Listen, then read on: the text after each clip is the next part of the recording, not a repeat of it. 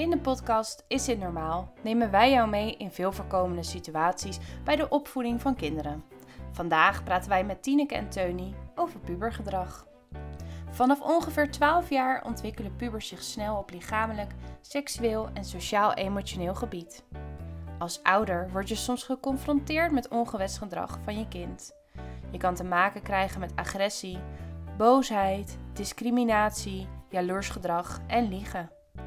Pubers zoeken de grenzen op. Pubergedrag kan soms lastig zijn voor ouders. Want hoe moet je hiermee omgaan? Wat doe je met ongewenst gedrag? En wat als je als ouder niet meer rustig kan blijven? Sommige ouders worstelen hiermee, jij misschien ook wel. Gelukkig ben je niet de enige. In deze aflevering vertelt Tineke meer over haar ervaring met pubergedrag en geeft Teunie hier wat tips en adviezen over.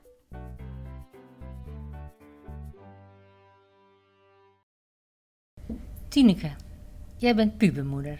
Ja, dat klopt. Kun je daar wat meer over vertellen? Uh, ja, zeker. Ja, ik, uh, ik ben uh, Tineke en ik ben 42 jaar. Um, en ik heb drie tieners. Um, de oudste is een zoon, Bas. Die is bijna 16 en die zit op 3 HAVO. Dan heb ik een prachtige dochter, Fieke. Die is 14 en die zit in 2 uh, MAVO-HAVO. Um, en dan heb ik nog één dochter op de basisschool. Die wordt bijna 12. En uh, die zit in groep 8. En die is natuurlijk aan het onderzoeken welke middelbare school ze wil gaan doorlopen.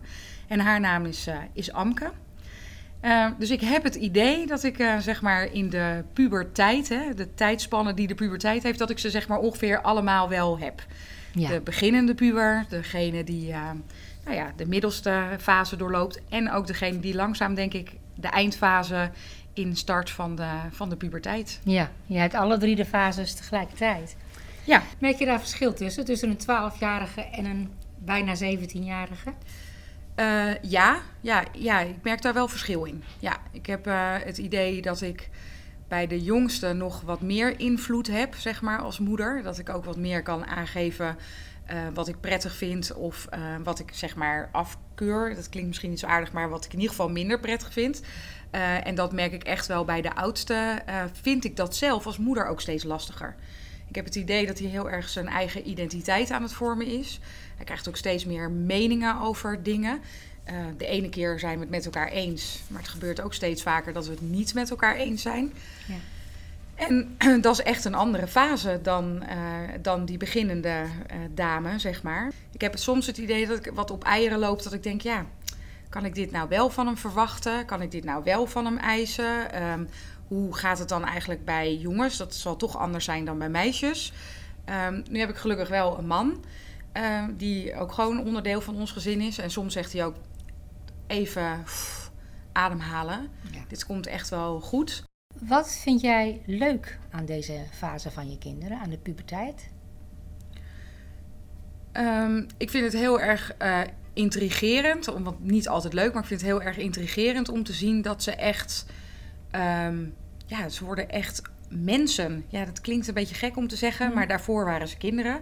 Ja. Um, en nu worden het echt individuen met hun eigen mening en opvatting en zetten ze zich soms ook heel erg af tegen hoe uh, ik en mijn man uh, tegen uh, zaken aankijken. Ze zijn heel erg aan het rondkijken. Hoe gaat het dan in andere ge gezinnen? Hoe, hoe gaat het dan in andere landen zelfs? Hè? Ja. waar, waar de wereld voorheen een stuk kleiner was, merk ik dat de wereld nu een stuk groter wordt. En daardoor mijn wereld eigenlijk ook. Hè? Waar ik mijn zoon houdt van gamen, net zoals denk ik heel veel jongens in deze leeftijd. Ja. Um, maar van hem hoor ik bijvoorbeeld ook uh, allerlei dingen uh, vanuit andere delen van de wereld. Hoe het bijvoorbeeld in Amerika gaat. Of hoe het ervaren wordt in, uh, in Japan. Of um, hoe het in Tsjechië is. Want hij gamet met allemaal mensen uit allerlei verschillende ja. werelddelen. Um, dus wordt mijn wereld ook weer een stukje groter. Ja, ja en dat vind ik er heel intrigerend aan. Ja. Je hebt er zoveel over te vertellen. Praat je er ook met andere ouders over? Met pubers? Um, nou ja, tuurlijk heb ik vriendinnen. Mm-hmm. Uh, en uh, vergelijk je uh, zaken met elkaar, zeker. En dat vind ik ook fijn, dat ik die vriendengroep om mij heen heb. Nu is het wel zo, eh, ik ben vrij jong moeder geworden. Mhm. Ehm, dus ik zit zeg maar aan de voorkant. Dus de meeste vriendinnen hebben zeg maar kinderen in de leeftijd bijvoorbeeld Ja. van Amke. En die kijken een soort van hoe lossen zij het op, eh, zeg maar. Dus soms mis ik wel eh, een klankbord eh, van hoe het is met... ehm, ja, met, met eh, nou ja, vooral jongens en meiden in de leeftijd van 14 à 16 jaar. merk ik dat ik nu langzaam wel af en toe een klankbord begin te missen. Dat ik denk, hoe doen jullie dat dan? Of hoe lossen jullie dit op? Ja. Nou, we hebben in het Centrum van Jeugd en Gezinnen, hè, tenminste in normale tijden zonder corona, van die puberoudere groepen. En die worden ook goed bezocht. En wat, wat ouders altijd teruggeven is van, oh, het allerleukste was om van elkaar te Ja. Hoe het bij de ander thuis is. En het komt bijna altijd ongeveer op hetzelfde neer. En het is heerlijk, dat feest de herkenning. Nou ja, ik denk ook dat mijn gezin niet ehm, anders is of, eh, dan de gemiddelde ja. eh, eh, tienerhuishouden, denk ik. Hey, en dat zo gezegd zijnde, ehm, wat vind je lastig aan moeder van drie pubers zijn? Nou, ik, ik denk wat heel veel eh, moeders lastig vinden, eh, wat ik wel zo af en toe een beetje om mij heen hoor zoomen, eh, is het feit dat je bijna eh, een bandje zou kunnen afdraaien. Eh, hoe vaak ik in de week wel niet eh, vraag van, goh, eh, ruim even je spullen achter elkaar op. Het is echt zoveel handiger als je je rugtas s'avonds inpakt. Ehm, mam, eh, waar zijn mijn hockeyspullen? Misschien is een vaste plek eh, niet zo verkeerd. Ehm, de, zeg maar, de uitdaging om bij elk avondeten weer te bedenken eh, wie welke beurt ook alweer had. Ehm, En soms eh, kan ik dat heel goed hebben. Hè, dat ligt ook een beetje aan mijn eigen gemoedstoestand. Ja. Soms irriteer ik me er echt mateloos aan en vlieg ik totaal uit de bocht. Mhm. Soms probeer ik het met een, eh, een blik van humor of eh, parkeer ik het even bij mijn man. Zeg Ja. maar, zoek jij het maar even uit. Eh, ik vind dat wel steeds lastiger Ja. omdat ik ook niet altijd weet voor mezelf van ja, waar kan ik nou zeg maar echt de verantwoordelijkheid ook steeds meer bij hun gaan neerleggen. Ergens Ah, ja. vind ik, als je 16 bent, dat er bepaalde verantwoordelijkheden langzaam verschuiven naar jou. Ja. Eh, zorg dat je zelf gewoon op tijd opstaat. Ja. Eh, regel eh, je eigen eh, lunch en ehm, bedenk in ieder geval dat je je spullen bij elkaar hebt. Ja. Ehm, en ik, ik merk dat daar steeds meer dat ik daar steeds meer in de weg kom van ja, ben ik te lief? Ben ik juist te streng? Nou, dan merk ik wel eens dat ik met mezelf in de war ra- raak. Ja. Zo van, wat is hier nou nog zeg maar een goede weg in? Ja, ja, ja. Ja, zit te denken, als jij dat zo zegt van... ehm, nou, ik hoor het ouders ook vaak zeggen van... eh, goh, op deze leeftijd zou hij of zij dat nou onderhand wel moeten kunnen. Oh, hè, iets, nou ja, wat ik ook vaak genoeg gedacht heb met mijn kinderen. Ehm, en tegelijkertijd denk ik dan een beetje als pedagoog van... eh, ja, ehm, kinderen eh, moeten ook leren. Hè, om, het is niet alleen de tijd die zijn werk doet, maar kinderen moeten ook leren om bepaalde, om bepaalde vaardigheden te ontwikkelen om die verantwoordelijkheid te kunnen dragen.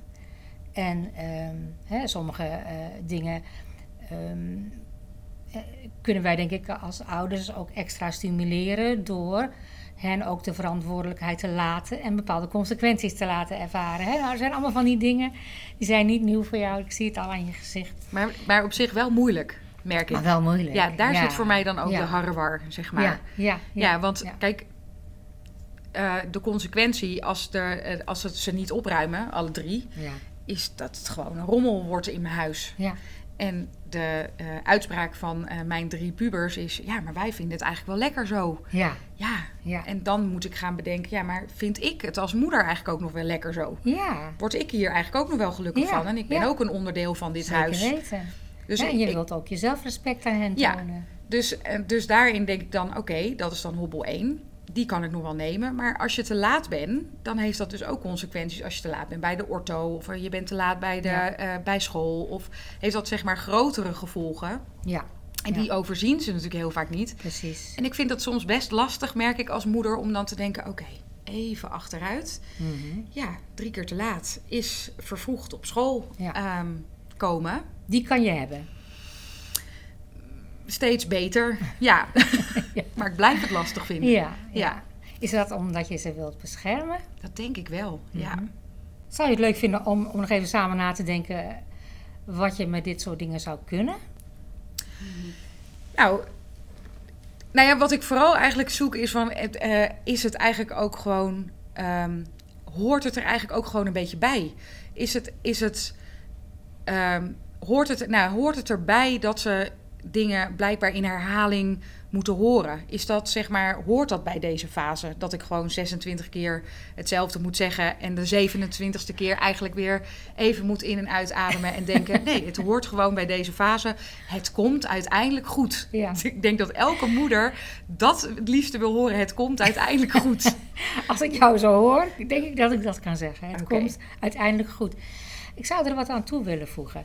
Jij zegt: is het normaal dat? Het is denk ik zeker normaal, want we zijn allemaal mensen. En het is super irritant als je kinderen, hè, die hele, niet alleen hun eigen kamer, daar, kun je misschien nog hè, de deur achter je dicht trekken. Maar ook de huiskamer waar je zelf in leeft, uh, nou, innemen. Um, en ik denk dat die 25 keer het zeggen eigenlijk niet zoveel oplevert.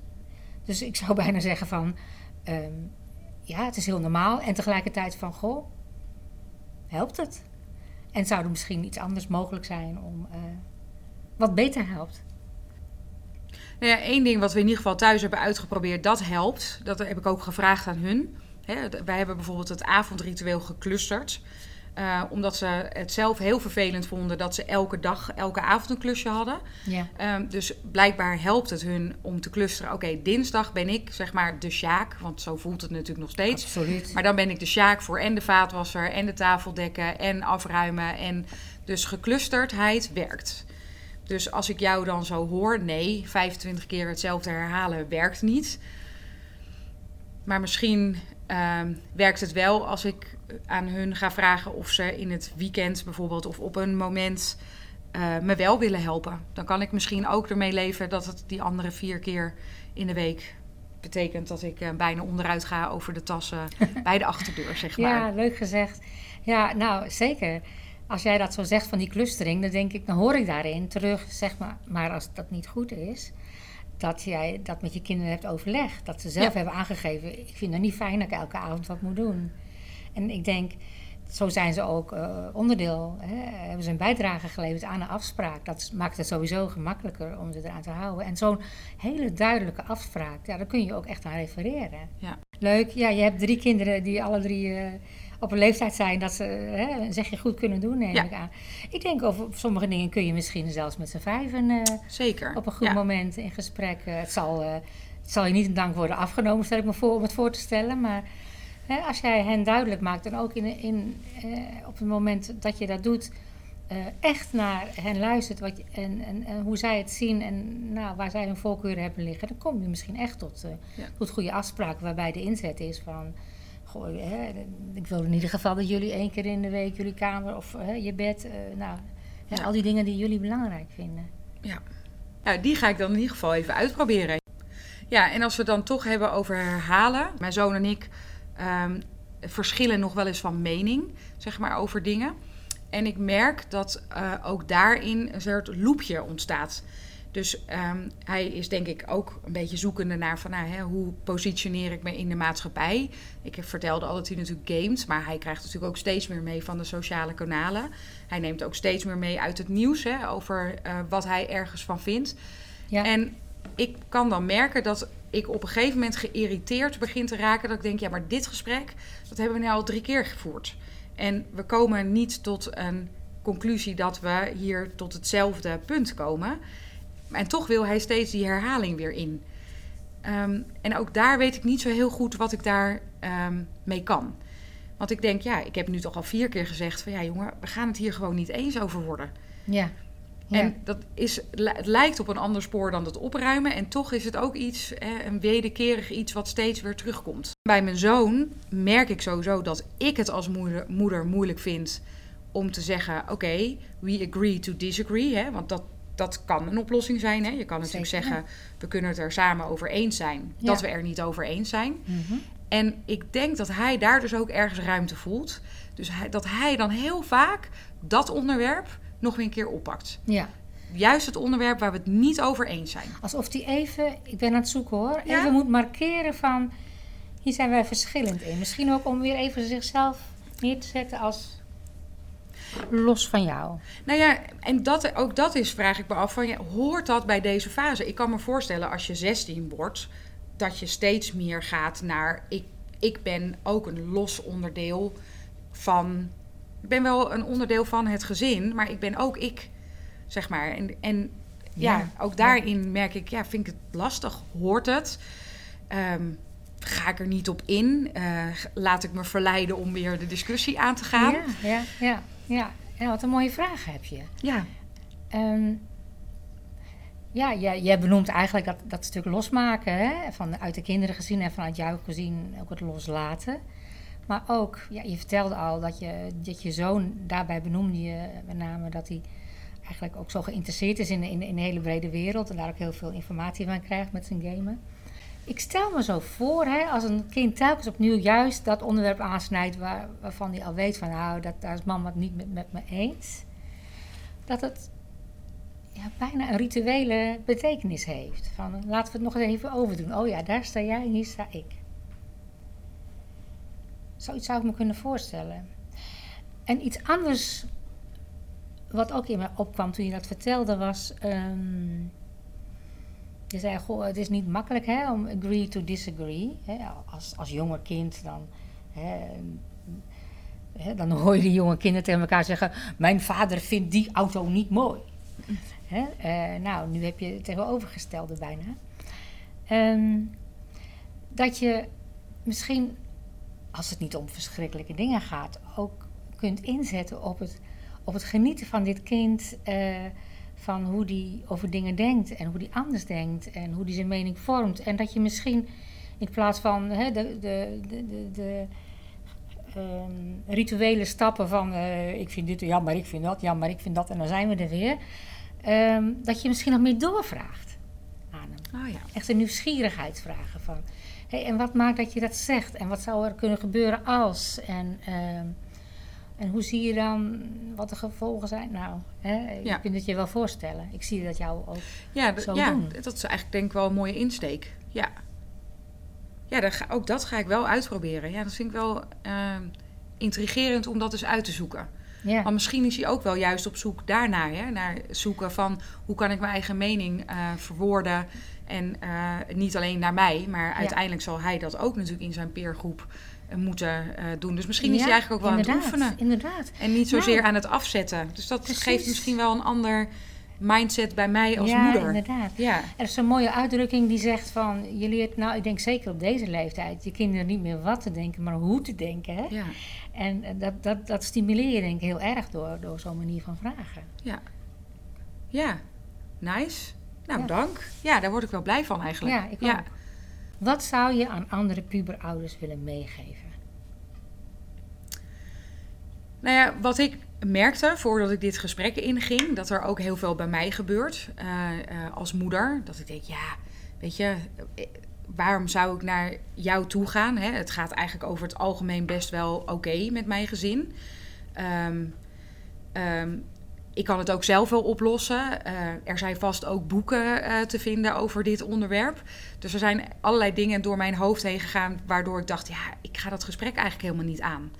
Ehm, ik merk ook vaker dat ik bij mijn vriendinnen soms ook wel niet het achterste van mijn tong wil laten zien. Dat ik denk, ja, maar ik wil het ook als moeder graag goed doen. En ehm, hoe het met mijn kinderen gaat, dat, dat zegt dan blijkbaar ook iets over hoe ik mijn moederschap eh, vormgeef. Eh, en op een gegeven moment dacht ik, ja, wat, wat houdt me nou eigenlijk tegen? Want in een boek krijg ik, zeg maar, ehm, wetenswaardigheden over de algemene puber.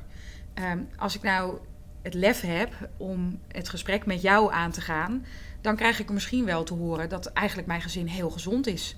En misschien krijg ik nog wel een paar handige tips eh, die ik eens een keer kan uitproberen. Niet geschoten, altijd mis. Dus ehm, wat ik in ieder geval van vandaag heb geleerd is dat eh, A, werkt het zo. Ehm, als je eh, je openstelt, dan kan er soms iemand met een idee komen waar ik zelf nooit op was gekomen. Ehm, dat kan natuurlijk gewoon ook met eh, vriendinnen voorkomen. Maar soms is het heel fijn om het op deze manier te doen met iemand die echt helemaal van buiten naar een gezinssituatie kijkt. Je hebt nog nooit mijn kinderen gezien. Je hebt fijn doorgevraagd. En zonder waardeoordeel um, mij tips uh, gegeven over hoe ik uh, weer een stapje verder zou kunnen komen in mijn eigen gezin. Dus wat ik denk ik mee zou willen geven aan andere ouders is... Um, probeer die drempel voor jezelf iets te verlagen. Want misschien heb je er veel meer bij te winnen... dan dat je in eerste instantie het gevoel hebt dat je erbij te verliezen hebt. Um, want dat is het in ieder geval voor mij zo. Dankjewel voor dit gesprek. Graag gedaan. Het is voor veel ouders best een klus vader of moeder van een puber te zijn. Of soms van twee of drie tegelijk. En voor het kind zelf is het zeker een klus puber te zijn. Hij, of zij, maar ik zeg het voor het gemak maar hij, moet zijn weg zien te vinden in een lichaam dat er anders gaat uitzien. De hoeveelheid geslachtshormoon in het lichaam schiet omhoog. Zijn hersenen zitten in verbouw. Er zou een bordje bij kunnen hangen, tijdelijk buiten gebruik.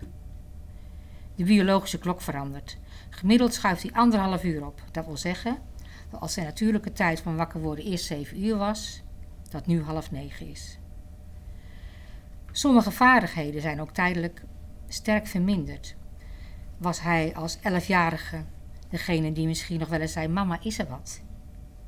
Nu is hij veel minder in staat emoties te lezen en zegt hij misschien: Heb je weer wat te zeiken?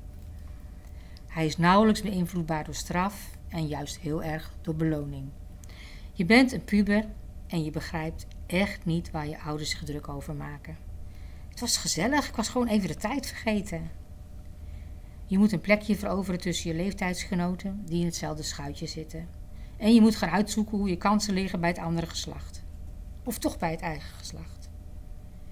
Je moet bedenken wat je wilt met roken, drinken en misschien omgaan met groepsdruk op dit punt.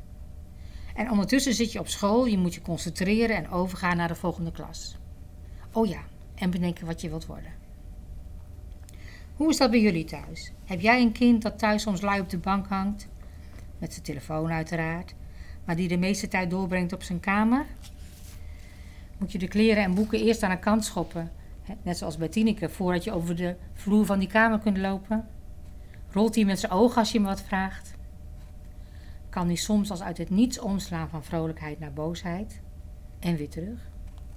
Vergeet hij nooit de afspraakjes met zijn vrienden, maar vergeet hij wel alles wat jij hem vraagt. Klinkt alsof je een puber hebt. Een normale puber. Het is voor veel ouders lastig hun kind zo te zien veranderen. Pubers kunnen niet anders dan puberen. Ouders moeten afscheid nemen van de kindertijd van hun zoon of dochter en er hoort verdriet bij en zorg over hoe het nou verder zal gaan. En ja, zeker ook boosheid over het doen en laten van je kind. Als ouder moet je je eigenlijk helemaal heroriënteren op de relatie met je kind, wat hij nodig heeft van jou en wat jouw rol is. Ik wil een paar dingen meegeven. Blijf vooral kijken naar dit kind. Zie hoe het probeert groot te worden. Laat hem merken dat je van hem houdt, dat je hem waardeert. Wees er voor hem als hij soms heel soms met een probleem bij je komt. Neem hem serieus, luister, vraag door op zijn ideeën. Daar groeit hij van. Probeer te genieten van dit kind dat misschien de gekste kleercombinaties draagt en onmogelijke ideeën heeft. Hij overziet namelijk de hele wereld. En als je er meerdere hebt, zoals Tineke, geniet van de verschillen tussen ze. Zoek naar momenten dat jullie samen kunnen zijn, een filmpje kijken samen, ergens naartoe in de auto naar iets dat jullie beiden leuk vinden. Zo'n ritje in de auto kan ook een mooi moment zijn om over van alles te praten met elkaar. Kijk eens mee als hij aan het gamen is. Verwonder je over zijn skills of over hoe goed hij aan je kan uitleggen hoe het zit. Zorg ook dat er een aantal belangrijke regels zijn en handhaaf ze, zeker zo belangrijk. Dit is niet meer de tijd van eenzijdig door jullie afgekondigde regels. Je kind kan zich het beste houden aan afspraken waarin hij zelf een rol heeft kunnen spelen. Heb vertrouwen in je kind en in zijn ontwikkeling en in jezelf, dat jij er voor hem kunt zijn. Jij bent en blijft belangrijk. Jullie komen misschien niet zonder kleerscheuren door deze tijd. Dat hoeft ook niet. Op enig moment, dat kan soms wel een tijdje duren, komt het lieve meisje ook weer terug. Maar ze is veranderd. En jij ook. Dit was een aflevering van onze podcastserie Is dit normaal? Hoe kinderen zich ontwikkelen en de vragen die ouders erbij hebben. Wil je meer weten over pubergedrag? Kijk dan op de website van het Centrum voor Jeugd en Gezin Hollands Midden en klik op jouw gemeente. Hier vind je onder andere blogs, ervaringsverhalen en cursussen die jou hierbij kunnen helpen. Ook kan je, indien nodig, contact opnemen met een professional die jou op dit gebied verder kan helpen. We zien je graag terug op onze website.